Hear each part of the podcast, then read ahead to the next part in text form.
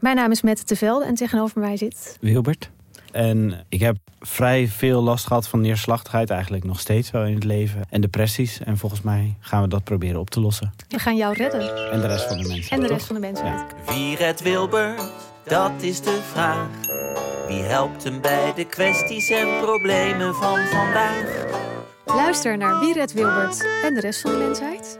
Een podcast van de VPRO voor NPO Luister.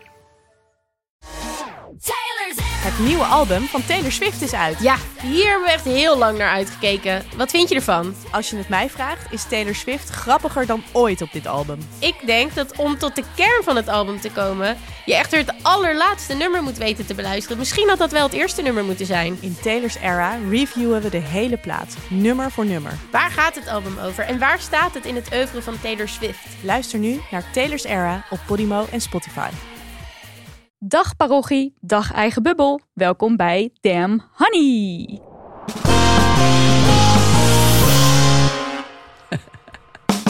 De podcast over shit waar je als vrouw van deze tijd mee moet dealen. Mijn naam is Nidia En ik ben Marilotte. en dit is aflevering 90. En vandaag te gast een feminist op wiens schouders wij staan.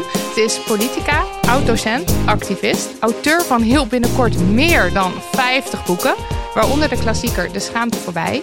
Een autobiografie over liefde, seks en de Amsterdamse vrouwenbeweging in de jaren 70. Die trouwens echt opnieuw uitgegeven moet worden. Hallo, uitgeverij De Geus. En ze laat nog altijd, ook al beschrijft ze zichzelf als leerlingbejaarde online, nog regelmatig van zich horen. Ondanks schreef ze voor de Nederlandse boekengids een artikel over de arbeidsemancipatie van de moderne vrouw. En dat leek ons een hele goede gelegenheid om haar eindelijk eens aan de feministische tand te voelen. Welkom, Anja Meulenbelt. Nou, leuk. A legend, een Ja. icon. Absoluut. ja, vereerd. Nou, dat, ik vind het altijd heel grappig hoor. Als ik icoon en boegbeeld en zo word genoemd. Ik sta ook gewoon bij Albert Heijn om de brokjes voor mijn poes te kopen. Dat is moeten heel gewoon. iconen en boegbeelden ook gewoon. Ja, echt. heel gewoon gebleven. ja. Laten we beginnen met onze eh, openingsrubriek, de feminist. En dan ga ik eerst even bij eh, Marilotte polsen. Ja. Ging jij nog de feminist in onlangs? Ik had een, eh, een, een, een, een, een classic, had ik. Ik heb deze denk ik ook al wel eens gehad. Ik kocht bier in de Albert Heijn. Jij bent ook gewoon gebleven. Ja, Gaat ook gewoon bij de Albert gewoon Heijn. bier. En de medewerker die daar bij de zelfscankassa's stond, die vroeg om mijn idee. Nou, dat gebeurde tot een jaar of twee, drie geleden aan de lopende band. En daar was ik eerlijk gezegd toen ook nog best trots op. Weet je wel, zo babyface. Oeh, nou, niemand merkt dat ik 30 plus ben. Eh, en ik moest dus, toen dat een beetje afnam, echt een beetje wennen. Dat, dat steeds minder naar mijn idee werd gevraagd. Dus eh, zij vroeg dat. En toen zei ik, en toen zei ze, ze keek naar mijn idee en ze zei iets in de trant van: Wow, ben je 34? U? Ze zei u trouwens. U ziet er nog zo jong uit. en het is zeg maar, eh, nou ja, één, toch gevleid. Ik kan, kan het niet helpen, ik ben toch gevleid. En twee, hoe reageert eh, een, een mens? Ehm, want ik bedoel, oké, ik weet inmiddels dat het, dat het allemaal gewoon ook maar weer is. Dat je, dat je niet ouder wil worden, zeg maar, als, als vrouw en, en de rimpels en weet ik veel. En dat, daar ben ik allemaal tegen dat we dat stom vinden. Maar toch ben ik gevleid. En hoe reageert een mens Ja. erop? Mag ik? Ja, als je Absoluut. zeker. Ja. Ja, nee, want we zouden ook een hele uitzending over ouder worden ehm, kunnen doen. Want het hele merkwaardige is dat als ik zeg dat ik oud ben, dat iedereen meteen in ontkenning uitbarst. Ja. Hij roept, eh, nou dat zou je niet zeggen. En eh, je ziet er nog heel leuk uit. En je bent nog actief. Hoe ouder je wordt, hoe vaker het woord nog eh, in de teksten voorkomt. En terwijl ik denk van, waarom is het, waarom is het een belediging als je oud wordt genoemd? Want we, we, we willen allemaal oud worden, maar we willen het niet zijn. Ja. Nou, Ja. dat is dus een in- interessante tegenstelling. En pas met een boek bij de uitgeverij. Toen had de, de PR, de, de, de, de, de promotieafdeling had gezegd... kan ze dat niet samen schrijven met een jongere feministe? Oh, om het dan een beetje een soort... En eh, eh, ja, want jong verkoopt beter. Ja. Jong verkoopt beter. En ik, moest, ook- ik moet vaak uitleggen. Ik word vaak ge- ge- gematcht met een, met een jonge feminist. Dan mag ik het over vroeger hebben. En ehm, dan mag zij het over nu hebben. Mhm. En dan moet ik uitleggen, luister, ik ben wel een oude feministe, maar ik ben niet van gisteren hoor. Nee, nog helemaal Ik ben eh, ook helemaal een feministe van vandaag. Ja. Dus ik krijg ook nooit ruzie met zo'n jong ding. Want eh, meestal zijn we het wel eens. Ja, Dat is helemaal, maar het is een idee hoor. Oud, oud, is, oud is fout. ja, ja, en we zijn zo geconditioneerd om dat, eh, maar ook dus om dan te zeggen, oh, dank, dankjewel. Ja, ja, Dankjewel dat ik nog zo jong uitzie. Ja. Eh, ja, nee, dat is, eh, ik vond het opvallend, ook voor Ja. mezelf weer. Ja, dat is de, de, de, de, de, de ageism. Hè, dus de, Ja, de- ja. Het, hoe we, en het erge is, daar hebben we ook geen leuke actiegroep voor. Want niemand interesseert zich ervoor tot je oud bent. Hè? Ja. Ja. Dus ik moet nu ook echt zeggen, luister, als mensen roepen, nou zo oud ben je nog niet. Ik zeg 77, is oud hoor. Is Stok gewoon oud. Oud, oud. Nou, het kan nog stokker. Grapje. Het kan nog stokker, maar het is, het is niet meer piep. Nee, Dat is echt, echt waar. het is niet meer piep. Mooi gezegd.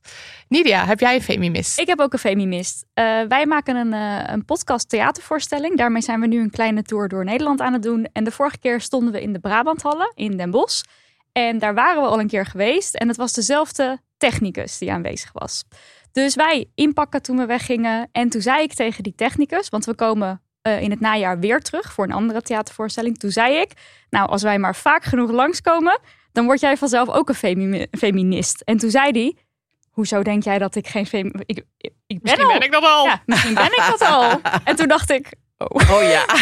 Ik Ja, zat echt zo, oeh, was er helemaal dit was... ingetrapt. Ja. Ja. Zo van zo'n technicus, zo'n man, die zou het allemaal wel weer onzin vinden. Sowieso heb ik elke keer als we met die theatervoorstelling komen binnen... en heel vaak zijn de technici inderdaad mannen... En zij gaan dan dus onze show deels zien, want we moeten dan het licht afstellen en zo. En ik voel me er altijd een beetje raar bij. Ik denk altijd van, wat zullen ze vinden? Terwijl, who cares wat die mannen vinden? Maar Ja, toch heb ik ja. altijd even dat ik daar overheen moet. En dat ik denk van, oh, ze zullen vast allerlei vooroordelen hebben. En Ja, en Het dat klopt ook niet altijd. Maar ik zit ook Nee. altijd eh, eh, al van, de, oh, ga, ga je dan ook kijken of zo? Of was dat het helemaal een noviteit is als een man onze show zou gaan kijken? Het- Ja. Het, is, het is raar, het is echt apart. Ja. ja. Anja, Anja. heb jij ook een femimisser? Nou, weet je, daar zat ik even over te denken. Maar het, ik heb. Nou, ik doe van alles, maar, maar ik heb nooit zo het gevoel dat ik ergens aan moet voldoen. En eigenlijk heb ik de schaamte voorbij destijds geschreven, ook echt gezegd: van ja, we zitten met feministische theorie. Maar weet je, eh, bijna niemand brengt het echt ehm, eh, helemaal. eh, wat, wat doen we eigenlijk? Kunnen we het wel? Ja, feministisch leven. En in de heb praktijk brengen. besloten dat ondanks het feit dat ik een icoon word genoemd, ik altijd denk van ja, voorbeeld, wacht even, op eigen risico. Hè? Ik, ik, ik beveel mijzelf niet aan als voorbeeld. Echt niet. Eh, hoogstens dat ik denk, doe vooral waar je zelf zin in hebt. En laat je niet vertellen wat fout en goed is. Zelfs niet door het feminisme. ja. Want daar konden we wat van. Het, alle normen van vroeger af, eh, af eh, ja, kammen willen we niet meer. En dan stiekem, zonder dat iemand merkte, allerlei nieuwe normen. Ja. Ja, En dan denk ik, ja, die waren soms net zo benauwend. ja, ja. ja. Wat je wel en niet aan mocht. Eh, de directrice van de vrouwenbeweging, waarvan niemand wist wie dat was, die had besloten dat je je haar niet mocht blonderen, maar met henna verven, dat mocht wel. Ja, zo krijg je weer nieuwe leer. Ja, precies. nieuwe- Dus liep ik jarenlang met van die, eh, van die shocking pink-achtige rode eh, krullen. Eh, het- dat, ja, dat mocht wel. Maar daar hield je je dus dan ook wel aan. Nou ja, dat, kijk, van die dingen, die merk je pas wanneer, wanneer je iets anders wil. En mensen opeens raar beginnen te, te, te kijken. Denk je, oh shit, ja, nee, dat is dus een nieuwe norm geworden. Ja, ja, als je er middenin zit en je gaat lekker mee, dan heb je dat helemaal niet door natuurlijk. Ja, en het was zo van, kijk, als je nog een man hebt, mocht je die nog wel houden. Maar aan een nieuwe begon je niet. Nou ja, dat heb ik dus wel gedaan. Ik heb een relatie met een vrouw gehad. En daarna, dat vond iedereen natuurlijk geweldig. En daarna weer met een man. En toen zei ze, ben je weer terug? Ik zeg, hoezo terug? Het is een nieuwe. En dat, eh, dacht Ja. ik, ik ga mij absoluut niet voor laten schrijven met wie ik een relatie mag hebben. Doe ik niet. Gewoon niet. Want het idee was eigenlijk dat je soort van met de verraders ging als je Ja, als je bewust. ja, ja, hoor je, ja, dat is. En als je eenmaal de vrouwenliefde had leren kennen, dan zou je nooit meer wat anders willen. Nou ja, eh, Dat was dus niet het geval. sorry hoor. Sorry hoor, maar vooral niet sorry hoor. Ja, lekker zelf weten. Ja. Tijd voor post. Post. Eerst, of course, een leuk bericht. Maar eh, het is behalve een leuk bericht ook een heftig bericht. Dus dit is een trigger warning. Ik wist niet zo goed hoe ik hem moest trigger warningen. Het gaat over seksualisering van trans mensen. Ook wel transfobie eigenlijk. Dus uh, nou ja, mocht je dat niet willen horen, skip eventjes. Hey Hannies. Ik hoor altijd de verhalen over mensen die een damn honey yes meemaken. En ik zelf heb me gisteren zo in mijn eigen kracht gevoeld dat ik dit ook even met jullie wil delen. Ik heb vorig weekend een date gehad die uiteindelijk wat verder ging dan een gezellig gesprek. Tijdens het zoenen voelde ik eigenlijk al dat ik niet meer wilde, maar ik voelde me geïntimideerd en durfde mijn grens niet aan te geven.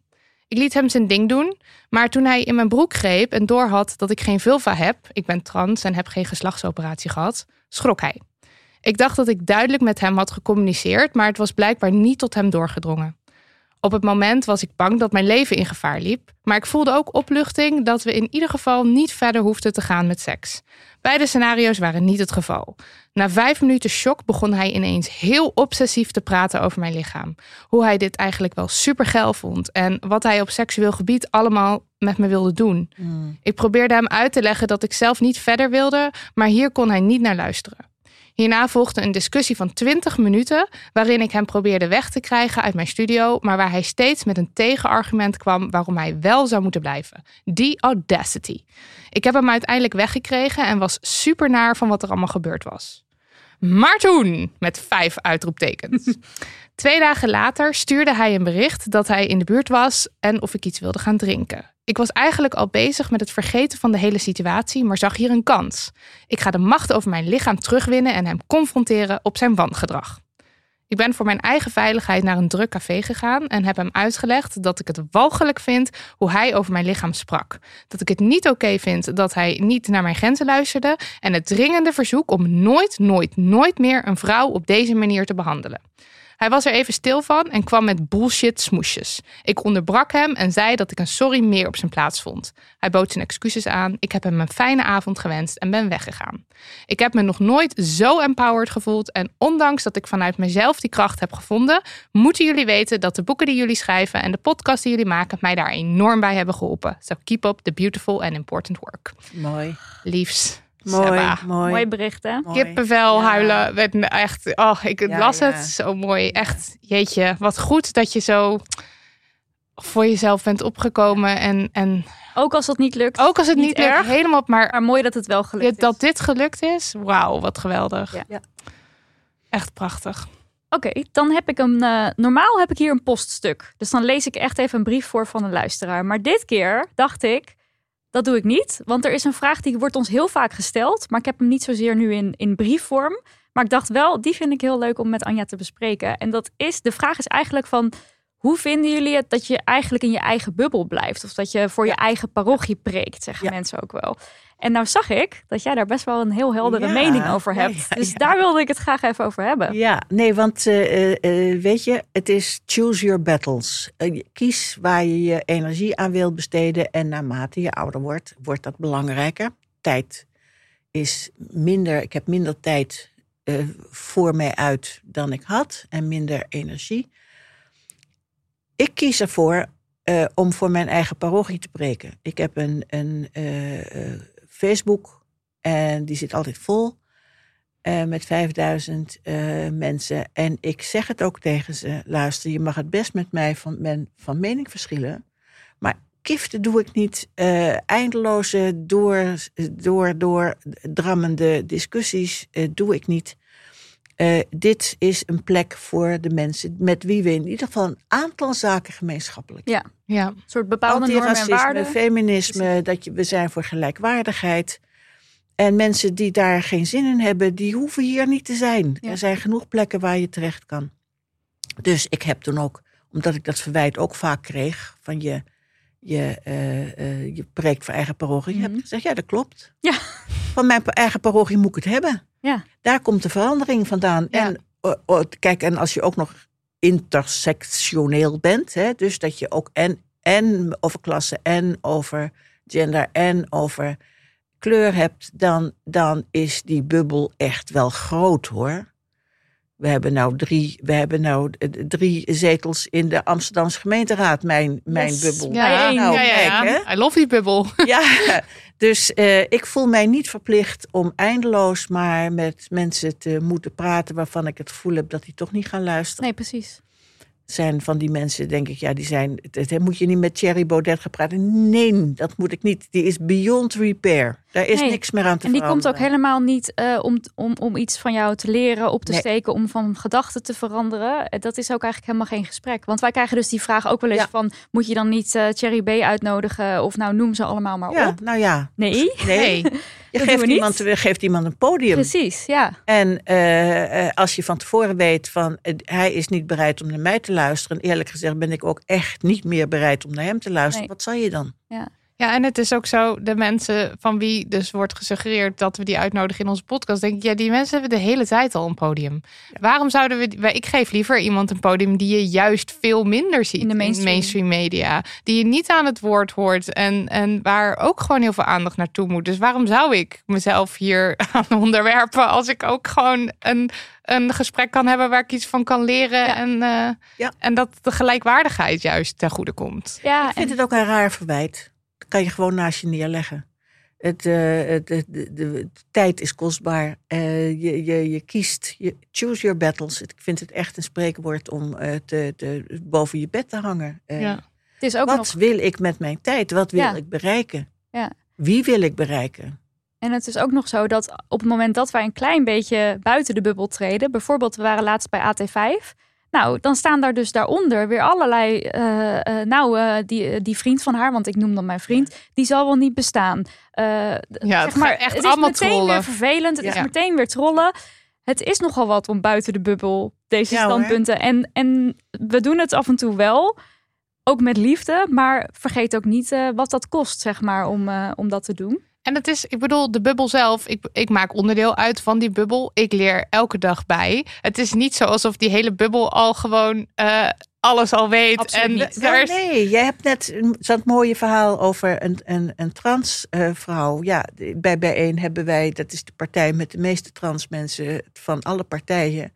Ik heb veel moeten leren hoor. Ja. Want het, eh, het, dat, dat zijn andere dingen die komen mij redelijk aanwaaien. Om, maar dat, sommige dingen zijn, denk ik van ja, dat, daar moet ik mij echt in verdiepen. Ja. Want dat- dat is niet iets wat ik van binnenuit mij voor kan stellen. Dat, kijk, ik wil best 20 kilo eraf, maar ik wil niet een andere gender. Ik heb dat niet. nee. En dat is geen, geen, niet iets om trots op te zijn, maar het betekent wel dat ik meer mijn best moet doen om, te, om me in te leven in hoe dat is als, als je daar wel anders voelt. Net zo goed als ik me echt heb moeten verplaatsen in wat het betekent eh, als, je, als je bruin bent, eh, van kleur bent. Het zijn perspectieven die wij niet van onszelf meedragen. En waarover we dus zullen moeten lezen, luisteren. Om, om, om dat beter Ja, te dat mee te begrijpen. Om het mee te- beter mee te nemen, om ons erover uit te spreken. En ik kan ook wel zeggen dat binnen die zogenaamde eigen bubbel er nog voldoende discussie oh, is. absoluut. Want ik denk zeg. ook het gesprek dat wij zo meteen gaan voeren over de arbeidsemancipatie tussen ja. aanhalingstekens. Daar valt binnen, eh, binnen de feministische bubbel zijn er ook allerlei meningen over. Ja, er is ook en niet... dat is ook leuk, want dan ga ik de discussie wel graag aan. ja, nee, want Ja, als het dat- inhoudelijk is. Ja. Want feminisme is, is, is honderd bubbels hoor. Precies. Die, die, die, eh, die eh, eh, aan elkaar plakken en dan weer ruzie krijgen en zo. Dat, is, eh, Hoort er allemaal bij. Ja. dat Ja. hoort erbij. Leven de eigen parochie. Hoera! Even een momentje voor de hotste sponsor in town. Ja, ja, het is getcheeks.com en dat is G-E-T-C-H-E-E-X.com. Het steamy maar classy platform Cheeks is alles wat je hannies, wij dus, willen. Geen stigma, geen schaamte, maar gewoon een lekker seksuele vrijheid zonder taboes. Cheeks vindt dat seksualiteit gerepresenteerd moet worden zoals het werkelijk wordt beleefd. Op een diverse manier, met plezier en uiteraard met consent. En Cheeks is van alle markten thuis. Je kunt er naar eerlijk geproduceerde hotte content kijken en luisteren. Er zijn live online workshops en er is een categorie Learn. En daar ben ik net even ingedoken en ik heb weer van alles geleerd. Vertel. Nou, bijvoorbeeld over eh, shibari, dat is een eh, Japanse bondagekunst. Of over hentai, dat is, ehm, ja, wat is het? Een soort, het is porno, maar dan in een soort cartoonvorm. Waar een hoop tentakels die van alles penetreren een, een hoofdrol kunnen spelen. Ja, ja. Maar het gaat echt alle kanten op. Ik zag ook een stuk dat gaat over de benefits eh, en de importance of watching porn. Ja, En dan gaan ze bijvoorbeeld ook, ze maken ook onderscheid van, nou, als je het in je eentje kijkt of als je het met iemand kijkt en waarom representatie belangrijk is. En heel fijn, heel Ja. open, heel fijn. het gaat overal over. Over squirten ook. Over de mythe van het maagdenvlies. Over de G-spot, of die bestaat of niet. Dat soort dingen. En alle, alle moeilijke gevoelens die je er eventueel bij kan Een hebben. soort sex library. Ja, heel erg library. eh, informatief. informatief. Nou, ben je ook benieuwd? Wij mogen jou 14 sexy gratis proefdagen cadeau doen. Eh, en dat krijg je als je een jaarabonnement afsluit. En dat werkt als volgt. Ga naar de speciale Damn Honey Cheeks link. En die vind je in de beschrijving van deze podcast. En die staat weer gewoon in je podcast app. Nou, vervolgens klik je dan bij die link op Try 14 Days for Free. En vanaf daar kan je dus lezen, luisteren, leren, noem het maar op. Blijkt het nou toch niks voor jou? Dan kun je binnen die 14 dagen vrijblijvend opzeggen. En dan zit je nergens aan vast. Dus zet dat wel even in je agenda die twee weken. Ja, en kan je nou na die twee dagen nooit meer zonder, dan laat je de try-out gewoon doorlopen. En dan vera- verandert die dus automatisch in een jaarabonnement. Ja, niet twee dagen, maar 14 dagen. Oh. Dus check nou maar die link in de beschrijving van deze podcast. En thank us later. Bye.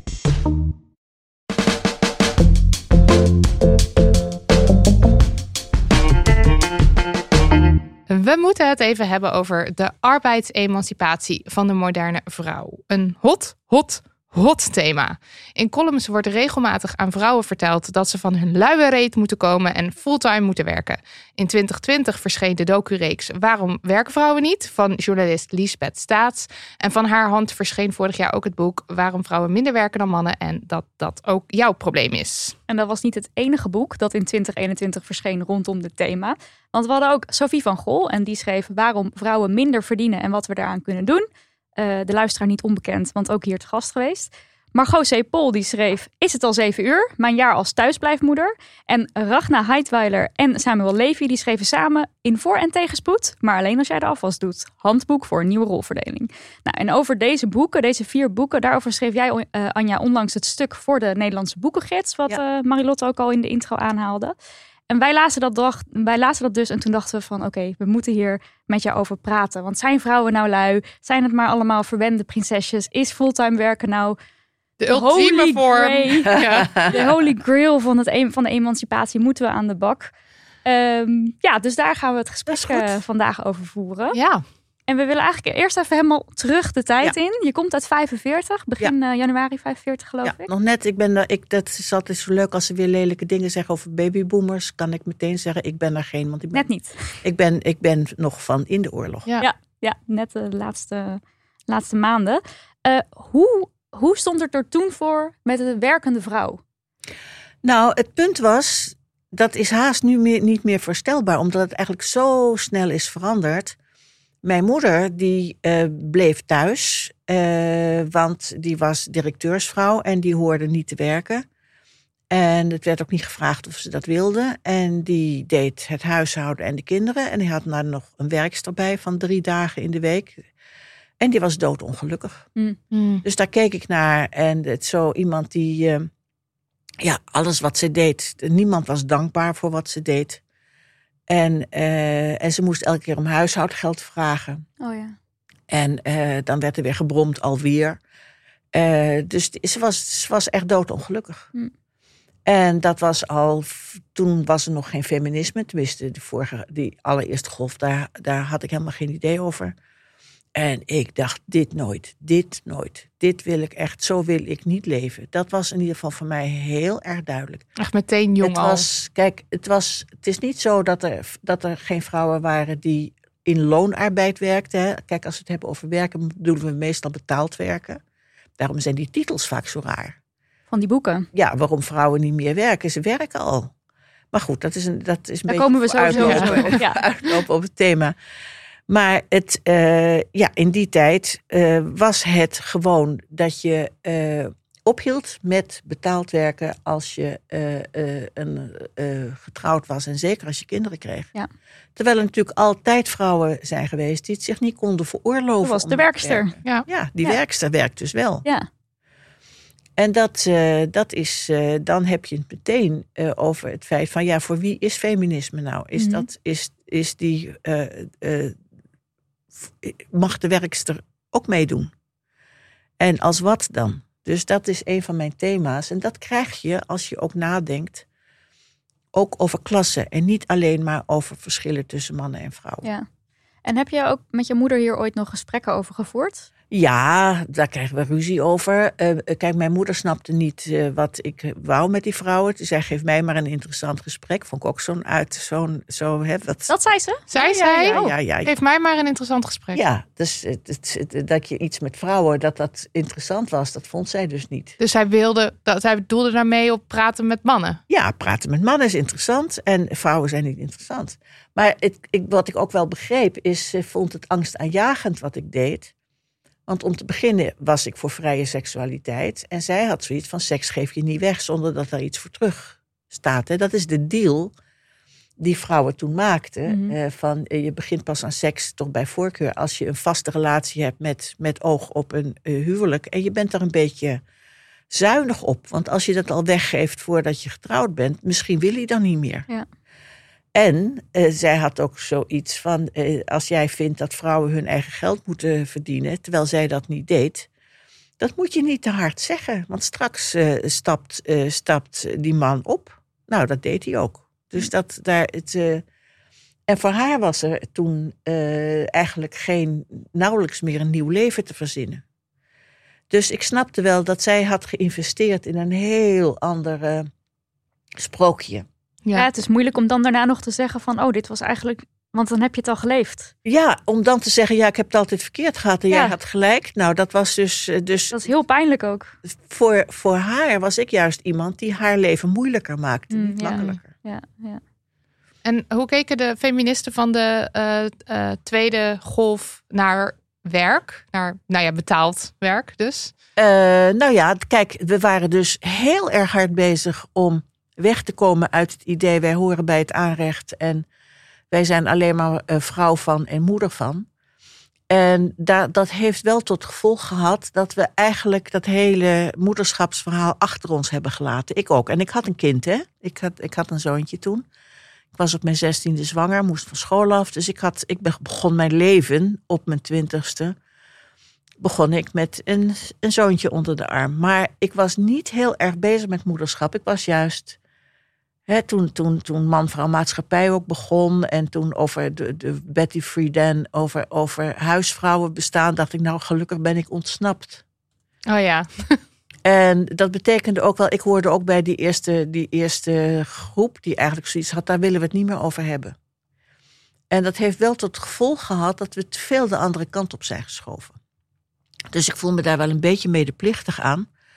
Dat ik ook toch een beetje heb meegedaan alsof ehm, eh, meedoen met de mannen, concurreren met de mannen, eh, vooral vooruitkomen, zelf werken, eh, economisch zelfstandig worden, dat dat het idee was. Want dat is waar feminisme over gaat. Dat is waar emancipatie over gaat. En dan dus een beetje neer, neerkijken op het moederschap en op het Ja, neerkijken. Ja, ja. vrouwen die nog besloten om echt thuis te blijven, dat, dat vond ik wel een beetje zielig. ja.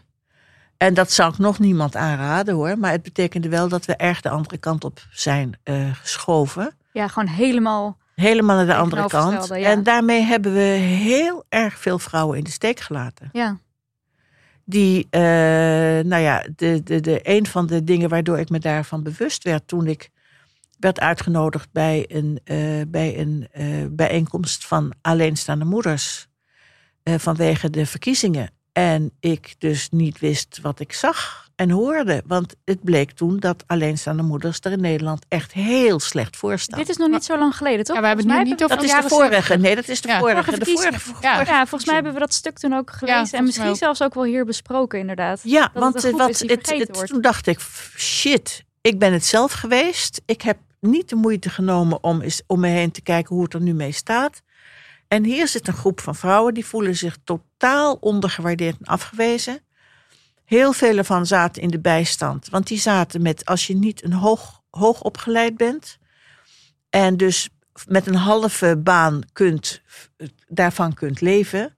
Dan zit je klem. Ja, als je, ja, klopt. Ja. Dan zit je gewoon klem. Je verdient veel te weinig. En eh, dat betekent dat iets van 70% van de alleenstaande vrouwen in de bijstand zit. En vervolgens daarop aan worden gekeken alsof die lui op de bank zitten en het verdomme om te werken.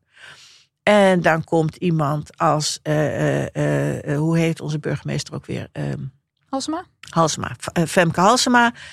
Die komt dan zeggen van ja, eh, die, die alleenstaande moeders die moeten toch wel verplicht worden om te solliciteren. Terwijl ik denk, waar heb je het over? Er is geen werk waarvan ze kunnen leven als je het parttime doet.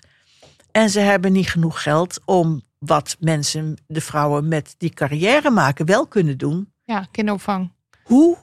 Hè, dus voorbeeld. eh, ik, heb, eh, ik word al jaren geboycott door Opzij. Omdat ik een keertje begonnen ben over het directeurenfeminisme. Omdat zij elk jaar zo'n eh, verkiezing hebben van de 100 meest invloedrijke vrouwen. Nou, drie keer raden, allemaal wit, allemaal hoog opgeleid. En nooit wordt er gevraagd, hoe red jij dat als ze kinderen hebben?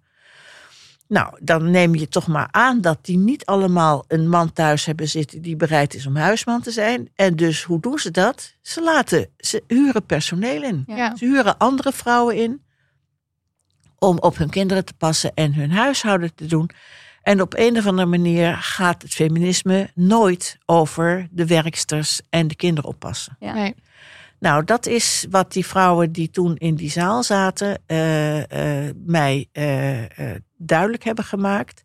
En er zaten allemaal andere politici, die begonnen allemaal van ja, het minimumloon moet omhoog en dit moet en dat. En het is allemaal wel waar. En ik zei ja, wat eerste wat, wat jullie eigenlijk nodig hebben, is dat je eindelijk eens gewaardeerd wordt voor wat je doet. En toen begonnen er echt een paar vrouwen te huilen. Ja. En dat, eh, dat, daar krijg ik zelf ook altijd nog een beetje een, een brok van de mikkel. Mhm. Dat ik denk, hoe bestaat het? Daar zitten dus vrouwen die tegen de klippen op, met heel weinig hulp, proberen om hun kinderen een goed leven te geven.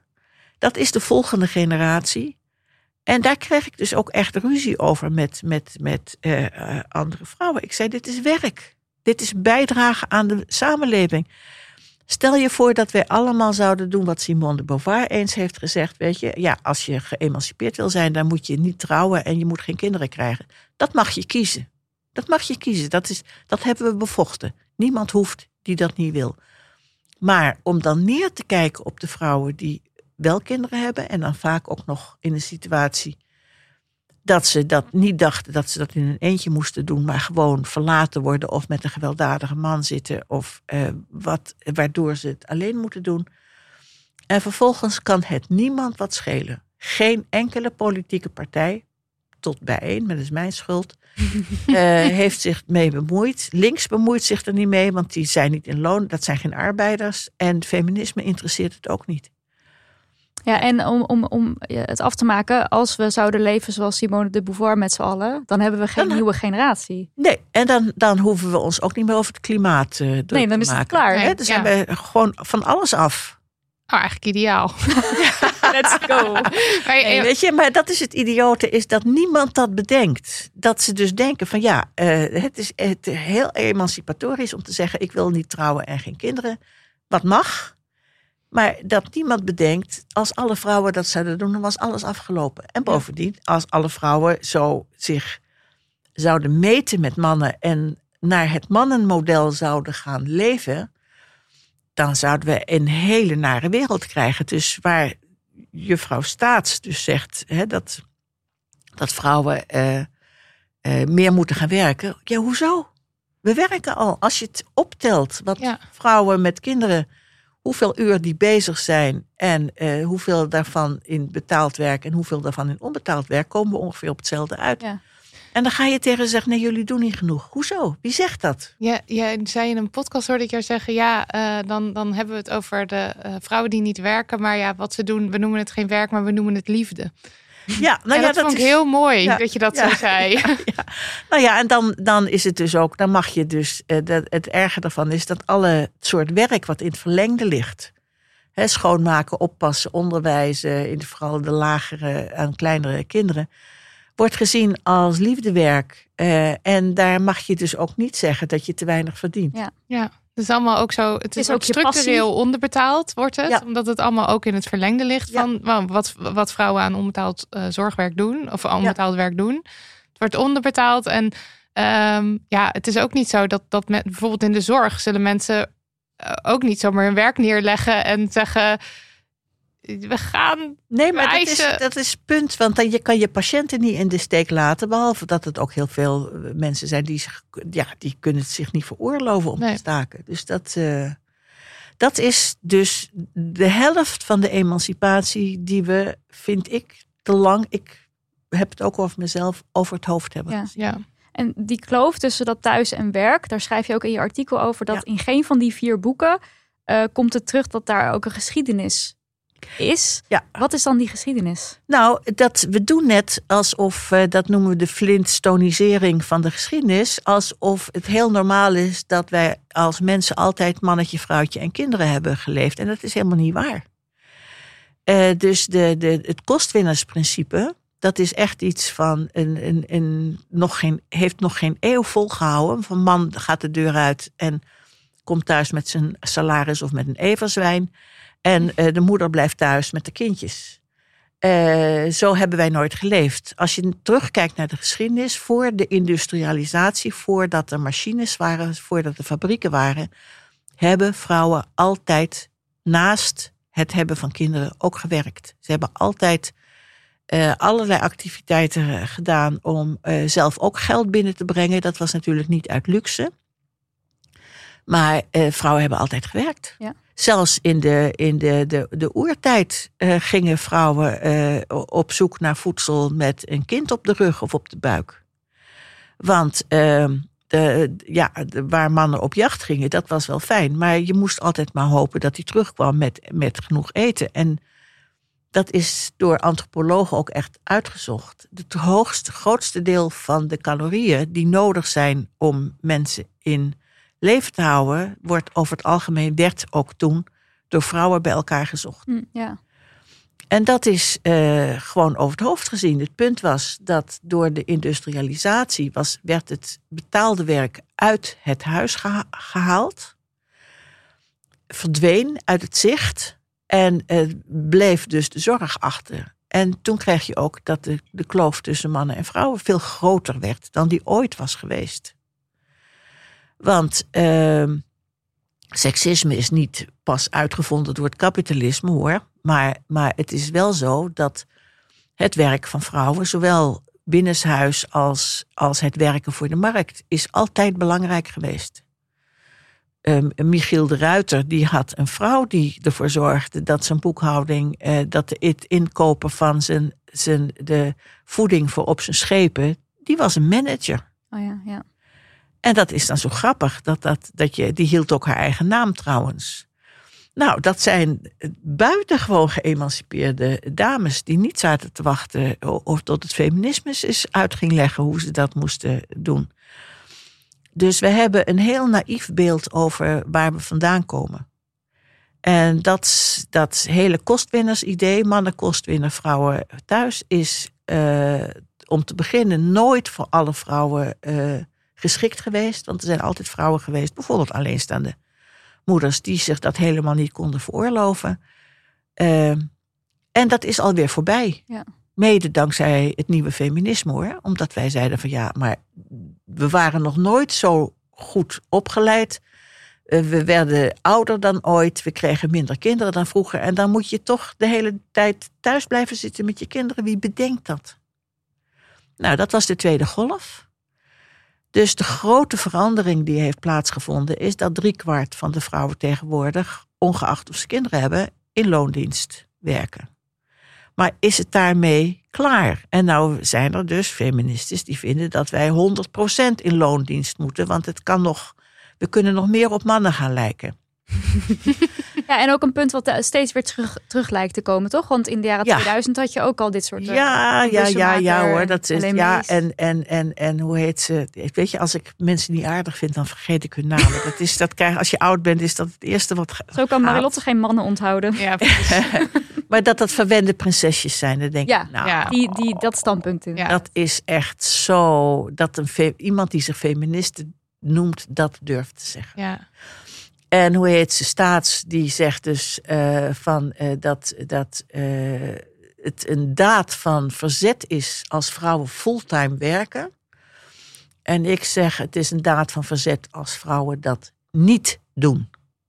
Dus dat we ons niet laten vertellen als we kinderen hebben dat dat geen waarde heeft. En dat we dan maar andere mensen voor in moeten huren. Om, om, waarom is als ik op kinderen pas en daar geld voor krijg, is dat werk? En waarom als ik thuis blijf met mijn eigen kinderen, is dat geen werk? Wat is er mis met passen op kinderen? Wat is er mis met ervoor zorgen dat kinderen groot worden? Ja, en hoeveel werk en tijd en emotionele... Wat kost het al allemaal Wat kost het niet? En dan zal je ook nog, dat, dat, het, is, het is ook nog wat voor kinderen je toevallig eh, hebt. Ik heb net een vriendin met, met, met, pas met een kindje die, die heeft gewoon krampjes en die, die kan niet werken hiernaast. Dat is haast niet te doen. Eh, nou, daar heeft ze ook niet speciaal voor gekozen, maar dat, dat gebeurt. Ja. Ik kreeg ruzie met een mevrouw die zei: eh, Ja, dan zeg jij dat er meer, eh, meer eh, geld ook moet komen voor vrouwen die op een of andere manier. Ik vind niet dat, dat huishoudelijk werk en moederschap betaald moet worden, maar wel mensen moeten kunnen leven. Moet een dak boven het hoofd, moet genoeg te eten zijn. En die werd kwaad. Die zei: Ja, ik heb principieel voor gekozen om geen kinderen te krijgen. En daar moet ik wel mee betalen aan de kinderen van anderen. Was ik even perplex. Ja, wil je dan helemaal geen kinderen? Nee, maar, Nooit maar meer. het punt is, of zij zelf geen kinderen krijgt of niet, is het punt niet. Haar hele leven bestaat uit het werk van kinderen van anderen. Ja, Dus ik heb eh, een beetje kribbige brief teruggeschreven van... ik mag hopen dat, dat als jij ooit in het ziekenhuis ligt... dat de mensen die jou verplegen moeten niet zo harteloos zijn... als jij over hun bent, want het zijn allemaal de kinderen van anderen. Die heb jij nodig. Je kunt helemaal niet zonder de kinderen van anderen. Dus hoezo zouden wij daar niet met elkaar aan meebetalen? Doen we het trouwens toch al. We betalen voor het onderwijs, ook als je het zelf niet meer nodig hebt. Waarom is het niet meer mogelijk om, wat in allerlei zogenaamde primitieve samenlevingen toch heel vanzelfsprekend is, om de volgende generatie te zien als een collectieve verantwoordelijkheid? Mm. Er is een beetje afgezaagd eh, spreekwoord eh, over. Hè? You need a village to raise a child. Maar dat is natuurlijk altijd wel zo geweest. Ja. De eenzaamheid van moderne huisvrouwen, hè, dat wat nog maar een eeuw heeft geduurd, minder dan een eeuw. Dat je in je eentje in je eigen eensgezinswoning met je eigen kinderen zat. Eh, dat is nooit zo geweest. Vrouwen zijn, de, de, de, de moeders hebben het vroeger nooit alleen gedaan. Die hadden altijd familie om zich heen. Vaak meer generaties bij elkaar. Ik zie dat in Gazastrook, waar ik veel ben. Nog steeds, er wonen drie generaties bij elkaar. Met veel kinderen. Eh, maar dat. dat eh, eh, en het was normaal dat andere vrouwen meehielpen met het grootbrengen van de kinderen. En ik heb er een fantastisch boek van, van eh, Sarah Blaffer Hardy eh, over gelezen. eh, dat, eh, dat eigenlijk, als je bekijkt wie er het meeste heeft bijgedragen aan het feit dat het onder barre omstandigheden lukte om kinderen groot te krijgen, grootmoeders. Mm, ja. Grootmoeders. Als je kijkt naar de evolutie, waren het niet de vaders, die waren inderdaad vaak de hort op. Maar de, de, wij zijn het enige diersoort waarbij vrouwen veel langer leven dan hun vruchtbaarheid. Dus het is een evolutie dat wij menopauze hebben en daarna nog een vrolijk stuk eh, eh, door blijven leven in principe. Alleen moet je dan wel uitleggen dat er niks mis is met oud worden. Dus, maar goed, dat is dus een ander thema. Die hadden we al een beetje Die hadden we al. Die hadden we al. Dus het is heel mooi relativerend als je ietsje meer weet van de geschiedenis en denkt, we- ze hebben ons iets wijs gemaakt. is dat het dan ze, het kapitalisme? Nou, het kapitalisme heeft hier een buitengewone grote schurkenrol in. Want Ja, die, toch? willen dat, die willen dat wij doorgaan met ervoor zorgen dat de volgende generatie komt. Maar we mogen daar niks voor vragen. En ondertussen willen ze eigenlijk het liefst ook nog dat al die vrouwen fulltime eh, in loondienst gaan werken. Want dat is voor hun vooral heel erg leuk. Nou, dat is dat. Waarom zouden wij ons totaal in de, in de, in de vernieling laten werken?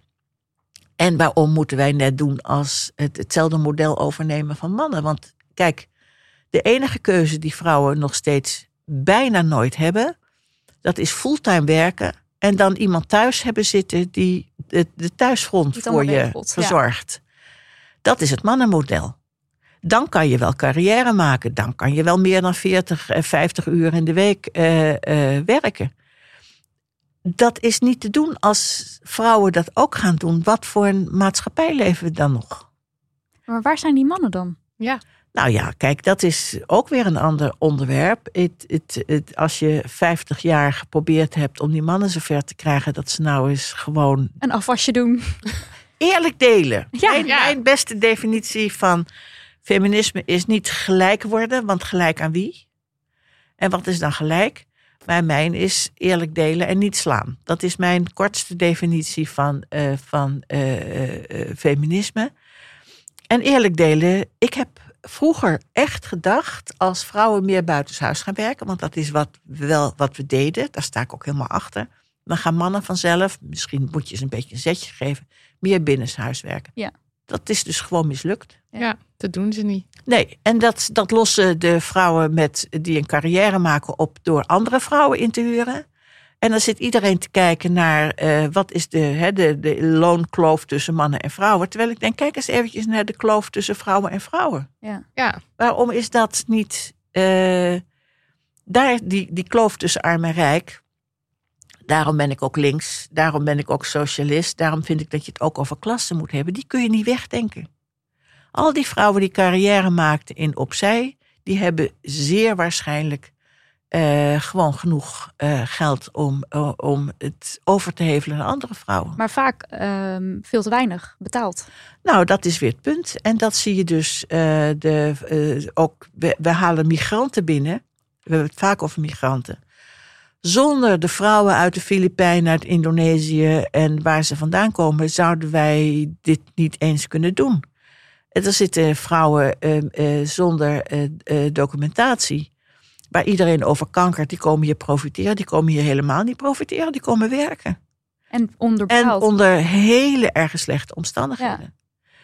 Dus dat, is, eh, dat zijn vrouwen uit de Filipijnen. Ik heb er wel eens met één gesproken. Die had twee kinderen en die heeft ze dus in de Filipijnen gelaten. En dan haar familie past dan op die kinderen. En zij past hier op de kinderen van anderen en kan haar eigen kinderen niet zien. Ja. Om ze geld naar huis te kunnen sturen, zodat die kinderen tenminste kleren aan hebben als ze naar school gaan. En dit aspect wordt in veel van die boeken eh, die je bespreekt in dat artikel eigenlijk vergeten. Want ook Lisbeth Staes, ik geloof dat je zegt dat zij dan op een gegeven moment eh, introduceert ze de schoonmaker of de werkster of Ja, de oppasser. Ja, Een naamloos figuur die ja. eigenlijk een soort van magisch het oplost. Terwijl Ja. er wordt helemaal niet het licht geschenen op wie is dat dan? En hoeveel Ja. wordt die dan betaald? En Ja. wat voor een leven leidt die persoon dan? Nou, exact. En dat is dus zo. Dat ben ik weer vergeten. Die, er was nog een, iemand die eh, het vond dat wij allemaal harder moesten gaan werken. En die woonde, leefde in Amerika. En eh, dan, eh, ja, dat was zo fijn. Die migranten daar mochten de eerste vijf jaar kregen ze geen, geen welfare. Eh, en die, ja, die waren altijd wel bereid om klussen voor je te doen. Ik dacht, die heeft drie seksen in haar hoofd: mannen, vrouwen en personeel. ja. En dat personeel is in je dienst. En dan denk ik, di- dit kan geen feminisme zijn. Voor mij kan dit geen feminisme zijn. Als we zoveel vrouwen en ook mannen trouwens buiten beschouwing laten en doen alsof die een ander soort ras, ander soort mensen, weet ik wat, robotten. eh, ehm, die, nou ja, maar dan, dan verdienen die ook wat. Ja, want dat is het vaak. Hè? Ook als het gaat over de rechten van mensen die bijvoorbeeld schoonmaken. Dat is in Nederland heel slecht geregeld. Ja. Eh, dan, dan hoor je toch al snel, ja, maar zij werken zwart. Ja dus of, die hoef eh, je ook niet veel te betalen. of Want het zijn, ZZ, het zijn toch ZZP'ers soort van of zo. En er worden allerlei smoesjes bedacht. Zo van, ja, omdat ze zwart werken, ja, vakantiegeld, nee, dat hoeft niet. Oh, als ze zwanger zijn, gewoon door laten werken. Ja. Eh, ziek zijn, nee hoor, gewoon laten komen. Want ze Ja. werken zwart en dus verdienen ze al of zo. Is dan, ik, ik Ja. weet niet wat de bizarre redenatie erachter is. Maar ze kunnen ook niet echt anders, want dit is, dit is wat het is. Vaak zijn het natuurlijk ook mensen die ja, ongedocumenteerd. ongedocumenteerd zijn, niet weten wat hun rechten zijn als ze al rechten hebben. Eh, en dat die situatie is dus ook gewoon niet oké. maar we vinden het wel allemaal maar oké en normaal. Want ik heb veel ik, mensen om me heen die ook gewoon dan zeggen: als je het, dan neem je toch gewoon een schoonmaker, dan neem je toch gewoon een nanny. Als je weet Dat is je hier wel. in de podcast ook wel eens gezegd. ja, En en ik, hebben wij er, waren wij er toen denk ik ook nog niet zo bewust van. nee, Dat we daar ook niet heel eh, Ja. hard op doorvroegen. Ik ben me daar- Oké, maar wat betaal je zo'n persoon dan? ik ben me door bureau Clara Wigman heel Ja. bewust geworden Ja. van hoe, hoe weinig rechten bijvoorbeeld schoonmakers hebben. en het ook die- echt in de wet staat. Hè? Het staat echt in de wet Je dat bent zij... werkgever als je eh, een schoonmaker inhuurt. Maar eh, verder kan je het eigenlijk helemaal zelf bepalen hoeveel je iemand betaalt en of diegene vakantiedagen krijgt. En dat zo. je werkgever bent, daar zijn veel mensen zich dus niet van bewust. Nee. Dus zij denken gewoon, oh ja, die dame die komt elke week. En eh, I don't care dat zij blijkbaar nooit op vakantie... Ja. Of nou, op vakantie gewoon vrij kan zijn. Of dat zij nooit ziek kan zijn. Of daar, daar wordt helemaal niet over nagedacht. Ja. Ja. Nou, dat is toch gewoon, dat, dat, dit is toch wel een flinke eh, ehm, eh, ja, opgave als je jezelf serieus feministe noemt. Ja. Ik vind dat je, we hier niet meer omheen kunnen. En ik zeg niet dat we het nu op gaan lossen hoor. Want eh, dat is onder de gegeven omstandigheden is het inderdaad heel erg moeilijk om ervoor te zorgen dat mensen die onbetaald zorgwerk doen, om ervoor te zorgen dat die wel genoeg geld krijgen. Je kunt de bijstand moet omhoog, het moet Dat sowieso, ja. minimumloon moet omhoog. Ja. Maar binnen het bestaande systeem zijn daar grenzen aan. Dus eh, dat, ja, en dan kom je erop dat je eh, binnen het bestaande systeem best, dat moeten we ook voor zorgen. Het voor de mensen helemaal onderaan de ladder. Kijk, armoede zou niet mogen bestaan. Nee, Armoede niet zou absoluut niet mogen bestaan Het is echt een keus hier.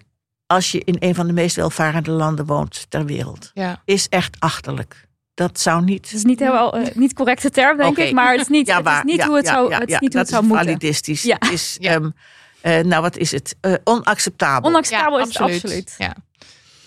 Ja, en toch is het zo. En toch, Ja. kiezen En toch vinden we het allemaal best. in Nederland. Ja, of in ieder geval eh, de politiek en de mensen die de mensen in de politiek kiezen, vinden het allemaal eigenlijk wel best. Ja. Ja, en Maar dat het is ook te lastig om op te lossen.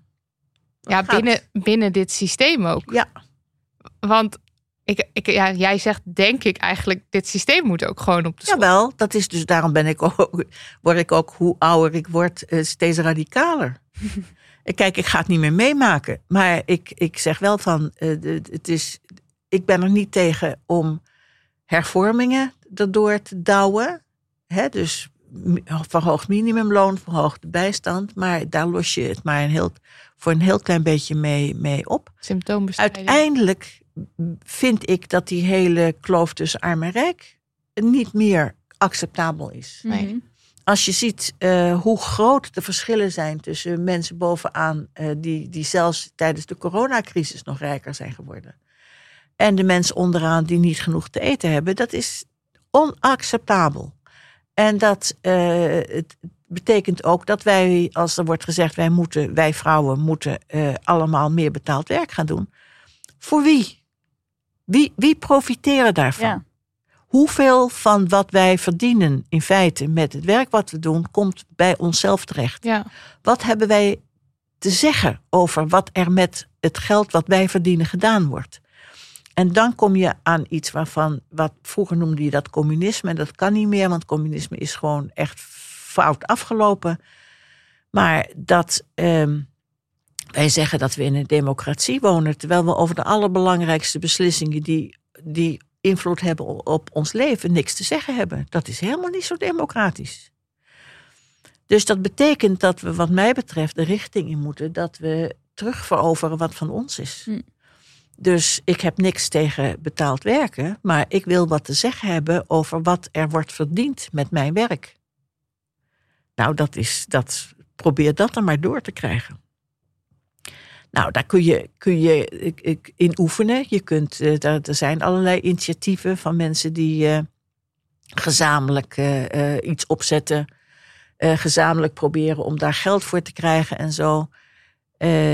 Dus er zijn wel ja, het, het, kleine pogingen om te, te laten zien van, maar dit, dit kan ook. Dit kan ook.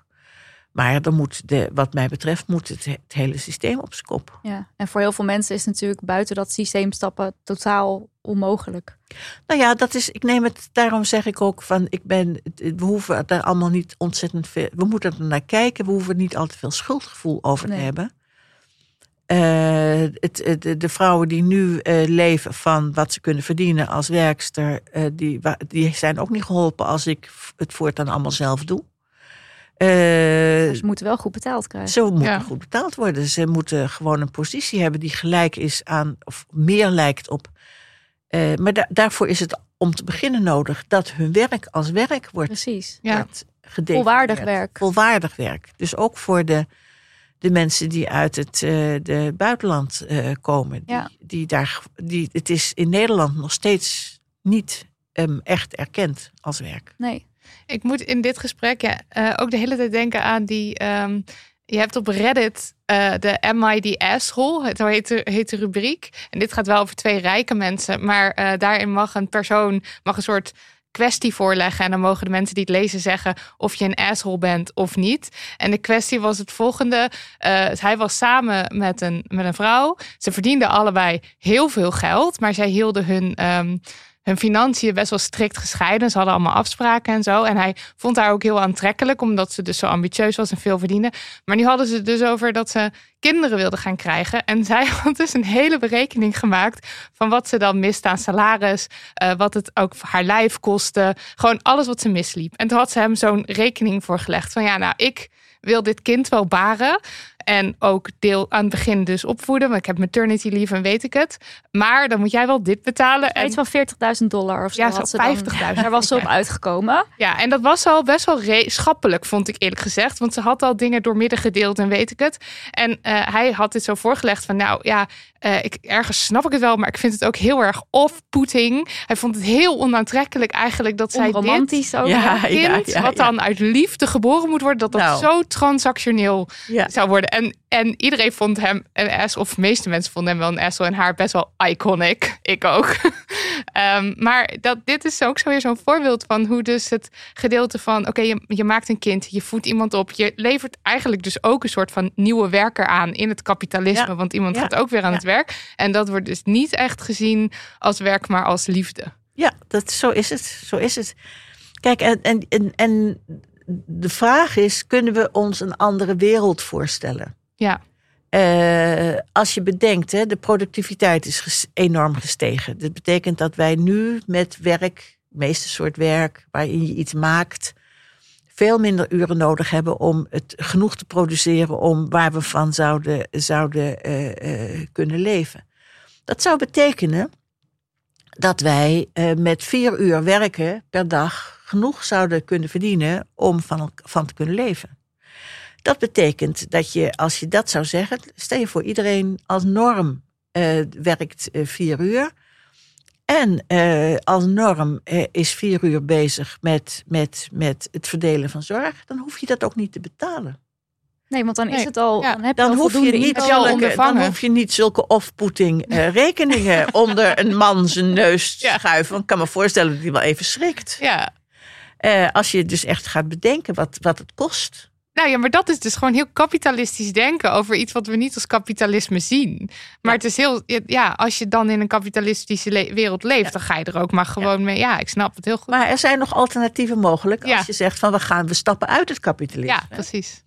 En dat zou betekenen dat, dat Marx had al iets van, die dacht, die was helemaal niet zo erg tegen, tegen de, de industrialisatie. Want die zei daardoor hoeven wij op een gegeven ogenblik veel korter te werken. En dan kunnen we eindelijk filosoferen en uit vissen gaan, zei hij. en eh, dat is, was, hem, vond hij wel het leukste wat erbij was. En, eh, en dat is in principe nog steeds waar. Maar dan zullen we wel die, die, die rijke stinkers gewoon wel een poets moeten bakken. Want dat, dat kan niet meer. Daar heb ik zin in hoor. Om die rijke stinkbakkers te bakken. Ja. Ook. Maar het is toch ook, je hebt ook zoveel wat ze dan bullshit jobs noemen. Of je, Ja. je moet dan achter op een kantoor zitten. Maar wat doe je nou daadwerkelijk? Ja, Kan dat niet veel minder? Kan dat niet anders? Is het misschien ook wel deels vluchtgedrag. Van nou, ik ga gewoon lekker naar kantoor. Ja. Vrouw thuis die zorgt wel voor de kinderen. Lekker rustig aan mijn kop. Ik ga hier naar een beeldscherm zitten staren en af en toe even koffie halen bij de automaat. En daarna moet thuis Er zijn komen. natuurlijk heel veel banen waar, gewoon, waar je gewoon veel minder uur hetzelfde werk zou kunnen leveren. Nou ja, stel je voor dat wij, dat wij meer zelf te zeggen hadden. Kijk, dat is niet makkelijk, hè? Want, want democ- echte democratie moet je oefenen. Stel je voor dat wij zelf kunnen beslissen dat je, of je meer wil werken en dan meer geld wil hebben voor weet ik wat, of dat je minder wil werken en meer tijd wil hebben. Want hoe waardevol. En, en, en, hoe, en hoe, ga je, hoe, ga je dat, eh, hoe ga je dat verdelen? Dat is, dat is maar het idee dat wij daar zelf over zouden mogen meebeslissen. En dat je dan ook geen bullshit eh, baantjes meer wil doen. Want wie heeft er nou zin, eh, ja, als je er wordt voor wordt betaald om een beetje achter een scherm te Zitten. zitten en ja, niks te doen. Allah. Maar waarom zou je dat willen? Ja. dat is het punt waar ik het, eh, het zo ja, tegen ben als er wordt gezegd alsof betaald werken altijd emancipatorisch is. Als je ziet hoeveel, wat voor soort werk mensen moeten doen. Heel veel werk is echt helemaal niet leuk en emancipatorisch. En dat je allemaal wel enige tijd bezig bent met schoonmaken. Ja, dat zou ook helemaal niet erg zijn als we niet allemaal doodmoe waren. Hmm. En dat je dat kan verdelen. En er zijn mensen die liever schoonmaken dan achter een. Het idee dat je daar wat over te zeggen zou hebben. Ja. Dat zou al zo verschrikkelijk veel uitmaken. Heb je nog een laatste ander soort ideaal beeld of iets waarvan je denkt, nou dat, als dat.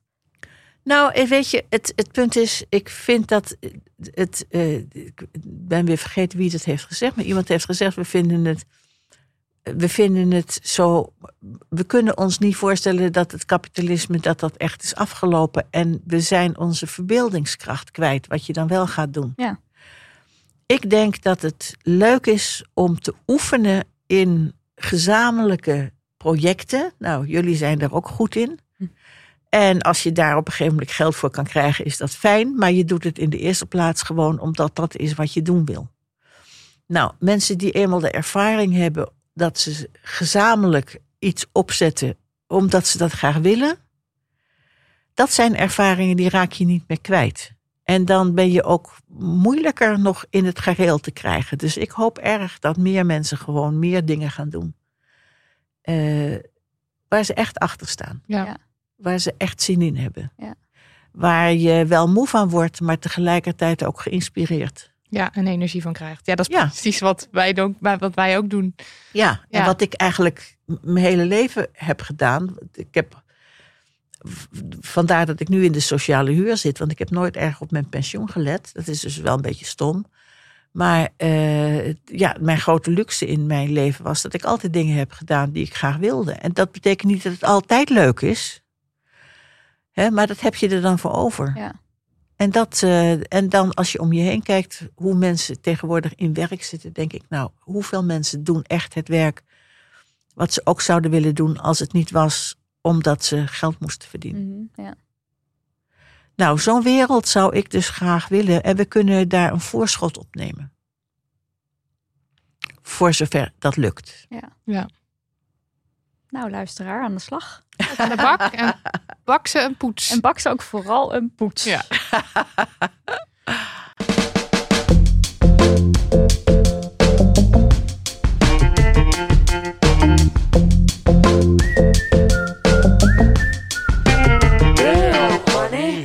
Tijd voor onze afsluiter, de Damn Honey Yes en No. Nidia, waar werd je boos van?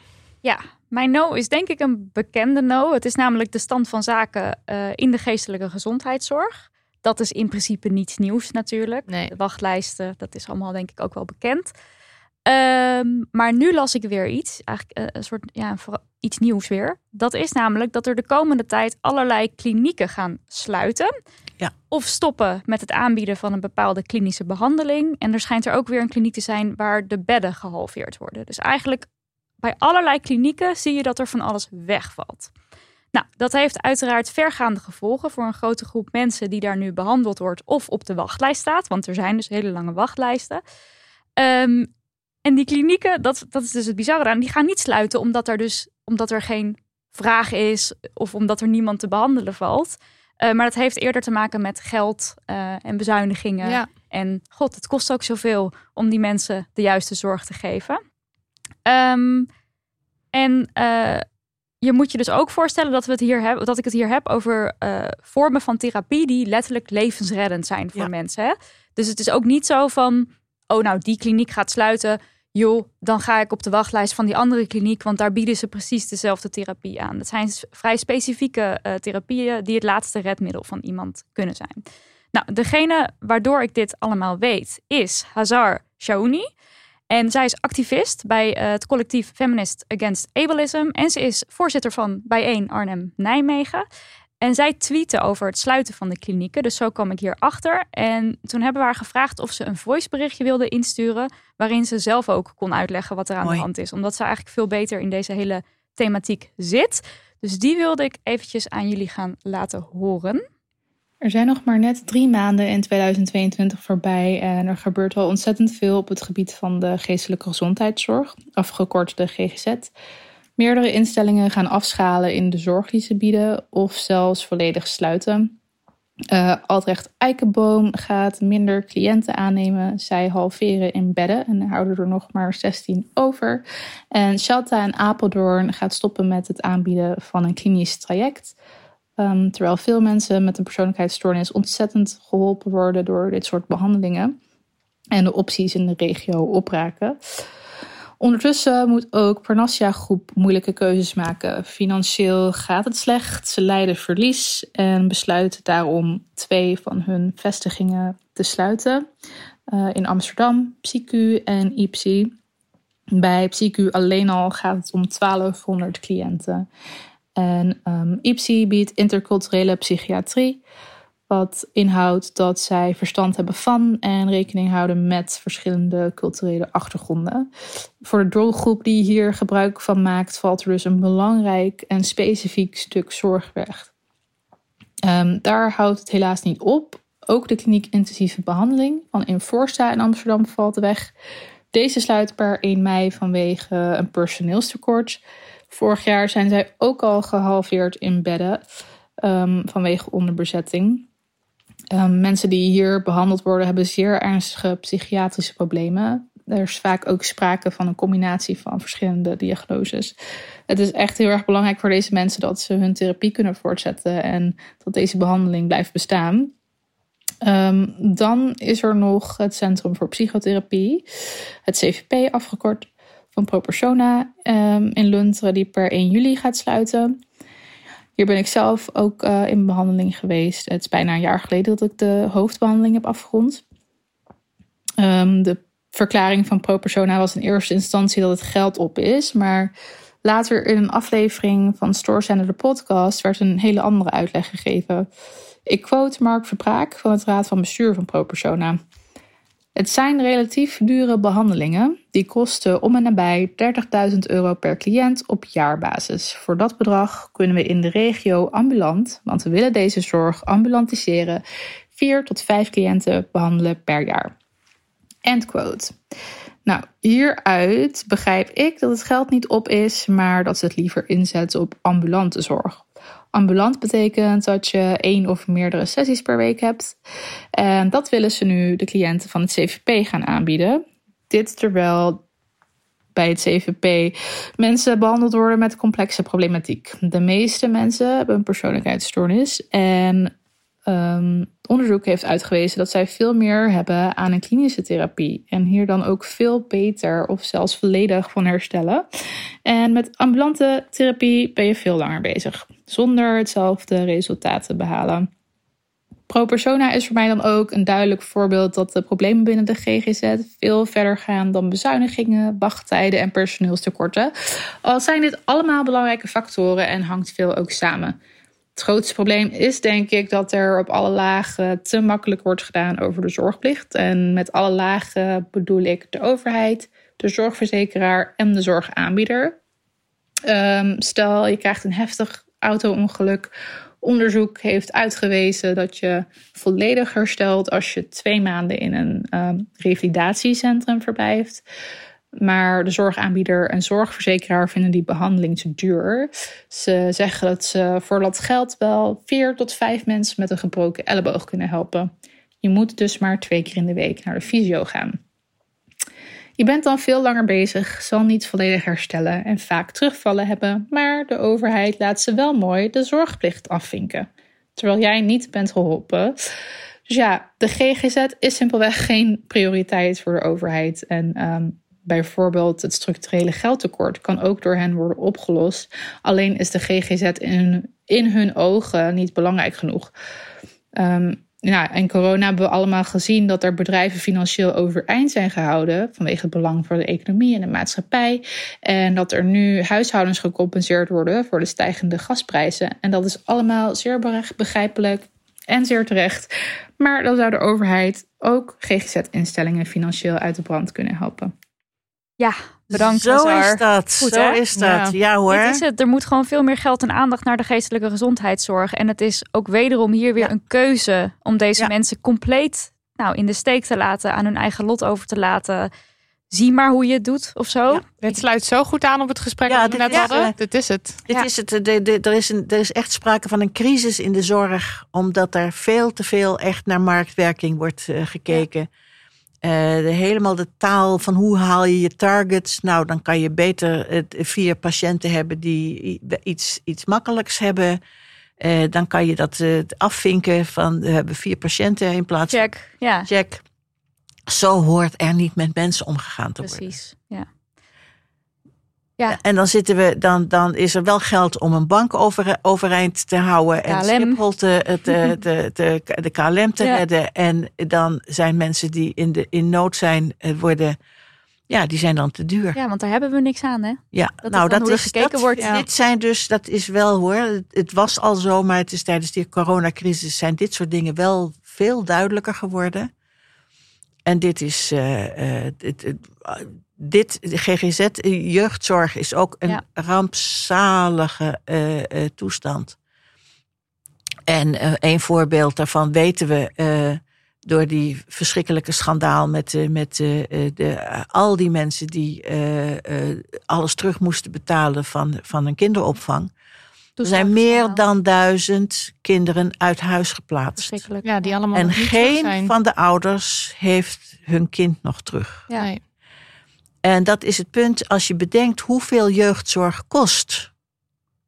En hoe slecht het werkt. Want hoeveel mensen die in de jeugdzorg hebben eh, als, ja, als kind eh, jarenlang eh, van instituut naar instituut naar gezin. eh, het, eh, die zijn er behoorlijk gekraakt uitgekomen. Ze, eh, het is stinkend duur. Als datzelfde geld gebruikt zou zijn om degene die, die ouders uit, uit de brand te helpen, dan hadden die gewoon niet uit elkaar gehoeven. Ja. Dus er worden kinderen uit huis geplaatst. En degene die dan voor de kinderen moet zorgen, die krijgen geld. In plaats van dat je Ja. gewoon het gezin zelf, de ouders zelf Ja, steunt. dat hadden en wij zegt, bij de, bij de alleenstaande eh moeder, sing- eh, super single mom, hadden we een vrouw die, eh, ja, de, die, die, die buitenlands met een, met een zoontje en die werkte bij een loesje hotel. Dat wist ze niet van tevoren. Hotel gaat failliet, ze krijgt het geld niet. Ze moet uit haar, de kamer waar ze mee woont. En dan op dat moment dreigt dat als zij eruit wordt gezet, dat haar kind uit huis wordt geplaatst. Want zij heeft hem geen veilige woonomgeving meer te bieden. Dan gaat dat kind naar een pleeggezin. Een kind bij in de pleeggezin krijgt, het pleeggezin krijgt iets van 600 eh, euro. Geef het aan haar. Als zij dat geld had, dan, Ja. hoefde ze dat, da- dan had ze de huur kunnen was de betalen. situatie nooit zo geweest, ja. Nou, dat, is- dat is ook dus de belachelijkheid van. Kan ik dat zeggen? Ja, belachelijkheid kan ik wel zeggen. Eh, eh, van, eh, van, van hoe het werkt. Ja. Het, is, het is zelfs fi- financieel niet, niet acceptabel. Nee, het Nee. is altijd het idee van wij weten het beter. Weet je wel, jij, jij kan zelf als ouder, kan je, als moeder, kan je al die keuzes helemaal niet maken. Wij gaan dat voor jou even oplossen. Ja, ja. wordt ook neergekeken natuurlijk Ja. heel erg op eh, Ja. veel vrouwen. Eh, ik wil nog heel even afsluiten, want Hazar die zei dat ehm, eh, je kunt de, de, alles rondom het CVP, dat, het Centrum voor Psychotherapie, wat ze dus willen gaan sluiten, dat kan je eh, volgen via Instagram en Twitter op eh @houdcvp Ehm, en je kan een petitie ondertekenen. En weet je, ik zou ook zeggen, laat je hier toch alsjeblieft ook weer over horen. Ja, absoluut. Hoe meer mensen zeggen, nee, dit pikken we niet, hoe beter. Ja. Eh, in de show notes van onze aflevering moet je maar eventjes kijken eh, in je app. Daar staat een linkje. Of ga naar damhoney.nl slash aflevering 90 als je dat kan onthouden. Daar staat een link naar die petitie. Dus teken die alsjeblieft. Ik zal er ook even een link zetten naar Hazars Twitter-account. zodat je er zelf ook kan gaan volgen. Nog even snel de yes. Nog even snel de yes. Die- zal een beetje kort Rachen we houden. er nog even doorheen. Ja, eh, dit nieuws heb je waarschijnlijk al vernomen. We nemen de oplevering ook, eh, aflevering ook eh, vrij vroeg op. Maar credit waar credit is due. En dit is te belangrijk om over te slaan. Stem op een vrouw. Did it again. Ik bedoel, historisch resultaat. De eh, gemeenteraadsverkiezingen van 14, 15 en 16 maart hebben 459 vrouwen met voorkeurstemmen de raad ingekregen. En dat vind ik zo fantastisch. En in 90% van de gevallen hebben ze een eh, hoger geplaatste man uit de raad gestoten. Ehm, en dus, dus allemaal door de strategie van stem op een vrouw. Is eigenlijk ook treurig, want dat betekent dus eh, wel dat de politieke partijen zelf niet echt meedoen met zeg maar meer vrouwen op de lijst zetten of hoger op de lijst zetten. Dus het zijn niet de kieslijsten die zijn verbeterd, maar eh, er staan, eh, maar de kiezer zelf. Die eh, heeft ervoor gezorgd dat er meer vrouwen in de raad zitten.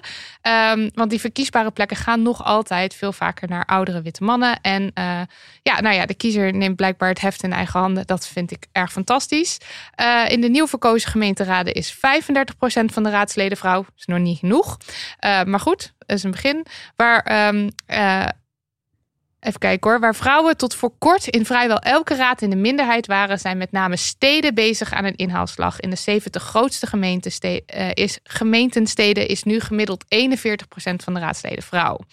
Ehm, ja, ik vind het gewoon erg geweldig. En er waren dus maar zeven steden in heel Nederland waar de verdeling man-vrouw gelijk was. En dat is nu dus 24. Dus dat is ook al een stuk omhoog. En nog eens 23 gemeentes is er dus nu eh, één man meer dan Dat een is vrouw. al- dat komt al in de Dus dat is basically 50%. Schandelijk. Schand, die mannen Nou. hebben echt hoor. We zijn toch wel gemeen tegen die mannen hoor. Ja, ja echt vreselijk. Weg ermee. Echt. Een overname, of hoe schreef de Volkskrant? Ja, een overname. Die schreef alsof het weer heel vijandig Ja, ja, allemaal ja, allemaal ja, alsof, was. alsof dat echt een agressieve, een oorlogszuchtige daad Zoiets, was. ja. En dan Ja. zeggen ze er niet bij dat nog steeds mannen de meerderheid zijn. Dus ja, wat, echt ruim ook. hoezo? Ja, en dan altijd natuurlijk de side note, we zijn er nog lang niet. Ook al was het wel gelijk man-vrouw. eh, we hebben het net ook over die intersecties gehad. We zijn er echt, hoe, hoe wij trans mensen in de gemeenteraad. Ja, en we kregen dus eh, laatst nog, van kleur. laatst glibberde er nog iemand in onze DM die zei, eh, die had een commentaar op onze aflevering over de gemeenteraadsverkiezingen, want die zei, ja, hoe zie je dat voor je dan een, eh, een diverse raad? Wil je dan een transman en een transvrouw en wit en zwart? Toen dacht ik, ja, Dat is inderdaad precies wat dat. we willen. dat willen we. Klopt. Dus je hoeft dat niet zo op te schrijven alsof dat allemaal niet kan. Dat is precies wat we willen. Want we willen gewoon dat de volksvertegenwoordiging ook daadwerkelijke vertegenwoordiging is van het volk. Ja. Dus eh, lekker bezig stemmen op een vrouw. DWK. Eh, DWK, Partyman, Love You. En eh, ja, nou ja, eh, moedig voorwaarts. Dit was aflevering 9. Zo is dat. Dankjewel Anja.